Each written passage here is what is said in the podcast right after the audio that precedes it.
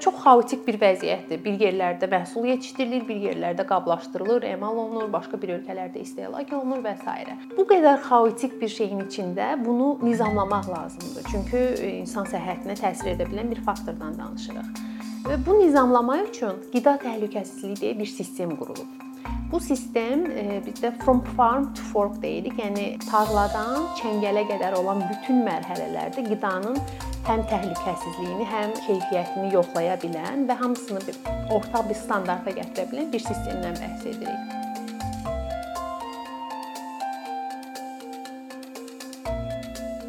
Biz həyətimizdə müəyyən bir sahədə 5-6 növ meyvə-tərəvəz əkə bilərik və bunu idarə etmək çox asan bir prosedurdur. Alaqotlarından təmizləyirik, gübrəsini vaxtı-vaxtında veririk və s. E, bu arealı biraz böyütsək və daha çox e, meyvə-tərəvəz, 90 çeşid meyvə-tərəvəz əksək, burada işimiz bir qədər çətinləşir. E, biraz daha zoom out eləyib kənardan baxsaq, heyvandarlığı da işin içinə qatmış olsaq, biraz daha qəlizləşir. Sonrasında yenə biraz daha zoom out eləsək və sadəcə yetişdirmə hissəsindən çıxıb bunun emalı, qablaşdırılması, restoranlara paylanması, ərzaq mağazalarına paylanması, hətta mətbəxə çatma qədər bütün mərhələlərə baxsaq, kifayət qədər mürəkkəb bir belə deyim mənzərə ilə qarşılaşmış oluruq. İndi gəlin düşünək ki, bunu nəinki e, bir ərazi, həyət səviyyəsində, bunu bir ölkə, hətta bir dünya səviyyəsində bu proses baş verir. Bu gün e, Argentinada yetişdirilən hər hansı bir məhsul Çində qablaşdırıla və ABŞ-da istehlaka e, sunula bilər, istehlaka verilə bilər və yaxud da Azərbaycanda istehlaka verilə bilər. Və Argentinada, yəni birinci ölkədə baş verən hər hansı bir təbii fəlakətmi deyim, qəsdi müdaxilə yaxud da ikinci və üçüncü ölkələrə təsir edir. Yəni Argentinanın bu misalda Argentinanın özündə ixrac potensialına təsir edir, iqtisadi zərərə səbəb olur. Qablaşdırma olan ölkədə yenə iqtisadi zərərə səbəb olur. Üçüncü ölkədə isə ərzaq təminatında problem yaradır.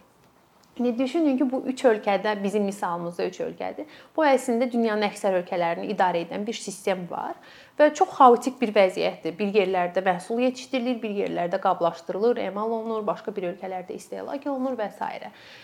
Bu qədər xaotik bir şeyin içində bunu nizamlamaq lazımdır. Çünki e, insan səhhətinə təsir edə bilən bir faktordan danışırıq. Və bu nizamlamaq üçün qida təhlükəsizliyi deyə bir sistem qurulub.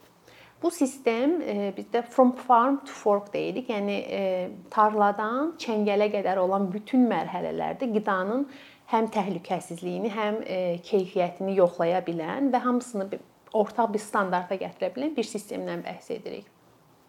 Buna görə də qida təhlükəsizliyi çətiri altında bütün ölkələr birləşib eyni standartlara, eyni təlimatlara cavab verən bir sistem formalaşdırırlar. Misal üçün qidada yoxlayacağımız bu bu bu bu standartlar konkretləşdirilir və bütün ölkələr bu ortaq standartı qəbul etmiş olur. Bu belə çox geniş danışıram. Bir məsələn, bir nümunə üzərindən keçsək, heyvan heyvan məhsulları üçün nələri biz limitləyirik, standarta gətiririk? Heyvan heyvan məhsullarında antibiotik qalıqları bu standartla idarə olunacaq və yaxud da mikrobioloji göstəricilər bu standarta uyğunlaşdırılacaq.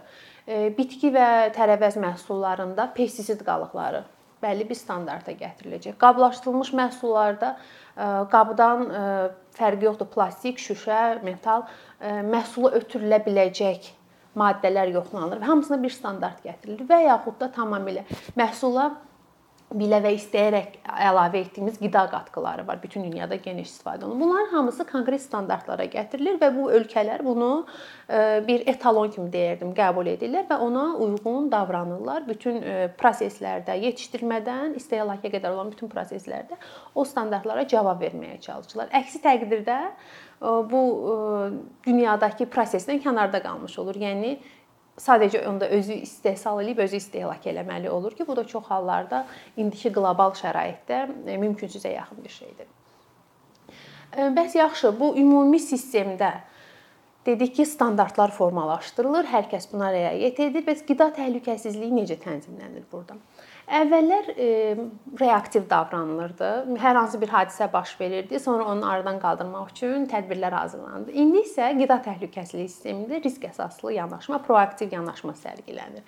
Bu son 15-20 ildə e, geniş tətbiq olunur qida təhlükəsizliyində bütün dünya üzrə. Burada nə edirlər? Mümkün risklər əvvəlcədən proqnozlaşdırılır. Bütün digər sahələrdəki risk qiymətləndirmədə olduğu kimi. Mümkün risklər əvvəlcədən proqnozlaşdırılır və onun qabağını almaq üçün, qarşısını almaq üçün önləyici tədbirlər həyata keçirilir. Misal üçün Hazırda proqnozlar verilir ki, dünya əhalisinin səviyyəsi getdikcə artır. Bunun qarşısını almaq üçün müəyyən addımlar atılır. İnsanlar bu haqqda fərqli düşüncələrdə olsalar da GMO məhsulları bununla bağlı e, hazırlanır, inkişaf etdirilir. Məhsuldarlığı yüksək məhsullar deyək hazırlanır. Süni məhsullar, süni qida məhsulları hazırlanır. E, bununla bağlı düzdür, çox fərqli e, düşüncələr, yanaşmalar mövcuddur, amma əsas məqsəd əslində ərzaq gələcəkdə yarana biləcək ərzaq çatışmazlığının qarşısını almaq üçün atılmış addımdır. E, bir digər məsələ e, standartı necə müəyyən edirik bu bütün ölkələr üçün. Burada da yenə risk əsaslı yanaşma e, tətbiq olunur. Yenə bir nümunə üzərindən keçsək, misal üçün meyvə tərəvəzlərə pestisid verilir bilirsiniz. Bu meyvə tərəvəzlərini müxtəlif zərərvericilərdən qorumaq üçündür və ya alaqotları, bakterial, viral və s. zərərvericilərdən. Düşünək ki, bunu necə müəyyənləşdiririk ki, nə qədər dozada hansı pestisid verəcəyik? Bunun üçün bir araşdırma aparılır. Hansı bitkiyə tətbiq olunacaq bu pestisid, hansı dozada tətbiq olunacaq? Tətbiq olunduqdan sonra o bitki yetişəndən sonra bitkidəki qalıq miqdarı nə olacaq? Torpağa çökürsə, torpaqdakı bundan sonrakı əkində başqa bir bitki əkilərsə, ona təsiri nə olacaq? Torpağın altından qurun sulara çökürsə, bu suyun içilən e, bu su içildikdə təsiri nə olacaq? Yəni ekotoksikliyi, genotoksikliyi, onu tətbiq edən insanın dərisinə, tənəffüsünə sovrularsa nə olacaq? Bunların hamısı əslində kompleks, hətta bu ərazidəki həşəratlara necə təsir eləyəcək, tozlanmaya necə təsir eləyib, sonrakı illərdə bitki yetişdirməsinə necədir? Yəni bütün bunlar kompleks şəkildə öyrənilir, riski dəyərləndirilir və bütün bunlar göz önünə alınaraq bir doza müəyyənləşdirir ki, biz bu dozanı tətbiq edə bilərik. Bundan sonra o bütün bayaq qeyd etdiyim ortaq istifadə olunan e, standart ki var, ora əlavə edilir e, və həmin standartı istifadə edən ölkələr də artıq bunu qəbul etmiş və bu istiqamətdə e, belə deyək, öz qanunvericiliklərinə dəyişiklik etmiş olurlar. Və bunun təyin olunduqdan sonra risk əsaslı yanaşma sərgiləndi, bir e, limit gətirildi. Mən dediyim kimi bir məhsul, bir nümunə üzərindən danışıram. Bu digər parametrlər üçün, antibiotik qalıqları üçün, e, kimyəvi çirkləndiricilər üçün və s. ola bilər. Bu e, dəyər belirləndikdən sonra bunun monitorinqi həyata keçirilir. 3 il, 5 il, daha uzun müddətlərlə hər bir ölkə ayrı-ayrılıqda və yaxud da Birləşmiş Ölkələrin referans laboratoriyaları var. O laboratoriyalarda bu analizlər aparılır. Bunun nəticəsində də yəni bu proses nizamlanır. Mən indi yəni dəfələrlə qeyd etdim. Bunu bir nümunə üzərindən deyirik, amma düşünün aşağı-yuxarı digər parametrlərdə də eyni yanaşma, bənzər yanaşma sərgilənir və bizim qida təhlükəsizliyimiz həmin o tarladan çəngələ qədər bütün bu titizliklə hər mərhələdə bu titizliklə qorunmuş olur. Məsəl üçün düşünək elə bu pestisiddə hər hansı bir zərər nəzarətdən yayındı və bu insan səhhətinə problemə, ciddi problemlərə yol aça bilər. Səhiyyənin iş yükünü artıra bilər, ictimai səhiyyə probleminə səbəb ola bilər. Biraz fokusumuzu genişlətsək, əgər bu ixrac olunacaq məhsul idisə, ixrac potensialımıza təsir edə bilər, iqtisadi itkiyə təsir ola bilər. Ümumiyyətlə ərzaq itkisinə, ərzaq israfına yol aça bilər. Digər bir tərəfdən bunun ixrac ediləcəyi ölkədə həmin məhsulun çatışmazlığına səbəb ola bilər. Orda həmin məhsulun qiymət artımına səbəb ola bilər.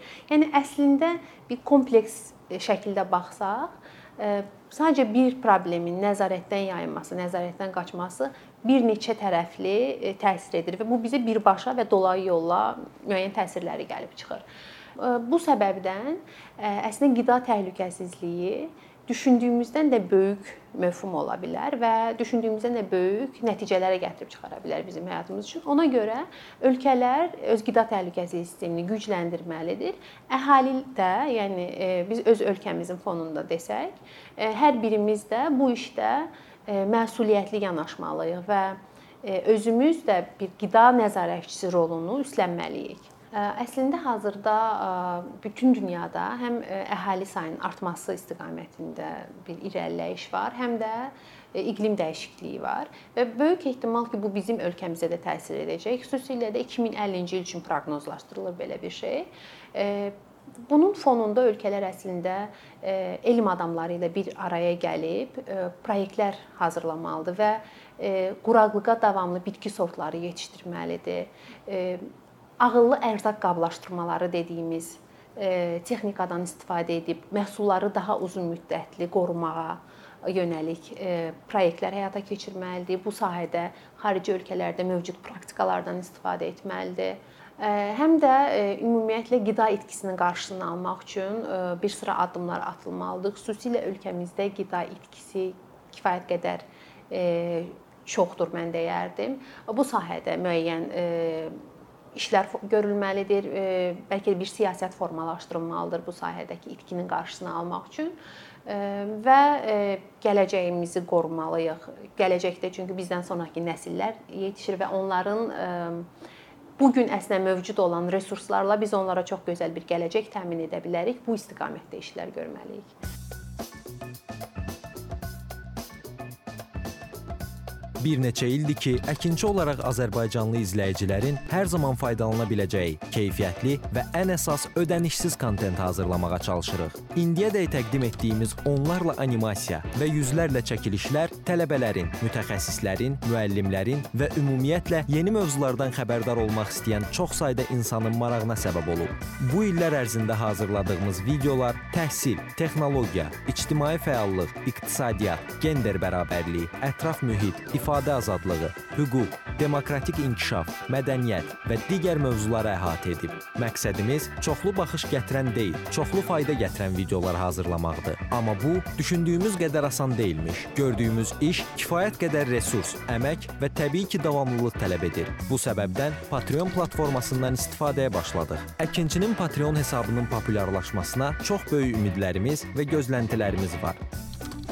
Bəziləriniz Patreon haqqında ilk dəfə eşidirsiniz. Əslində çox sadə izahı olan bir platformadır. Təsəvvür edin ki, siz rəssam və ya musiqiçisiniz. Sosial şəbəkələrdə sizi izləyən, işinizi bəyənən çox sayda insan var. Patreon platforması sizə imkan verir ki, izləyicilərinizin könüllü aylıq ödənişləri sayəsində işinizi davam etdirəsiniz. Sərgi, konsert zallarından asılı qalmayasınız. Amma bu təkcə rəssam və musiqiçilərə aid deyil. Məsələn, əkinçiyə bənzər fəaliyyətlə məşğul olan bəzi layihələrin 10 minlərlə minlərlə patronu var. Biz də düşündük ki, nə üçün əkinçinin Patreon hesabı olmasın? Sizin dəstəyiniz sayəsində biz daha çox və daha keyfiyyətli kontent yaratmağa davam edə biləcəyik. Amma bu dəstək yalnız maddi dəstək deyil. Dəstəkçilərimizin sayının artması gördüyümüz işlərin faydalı olduğuna dair əminlik verir.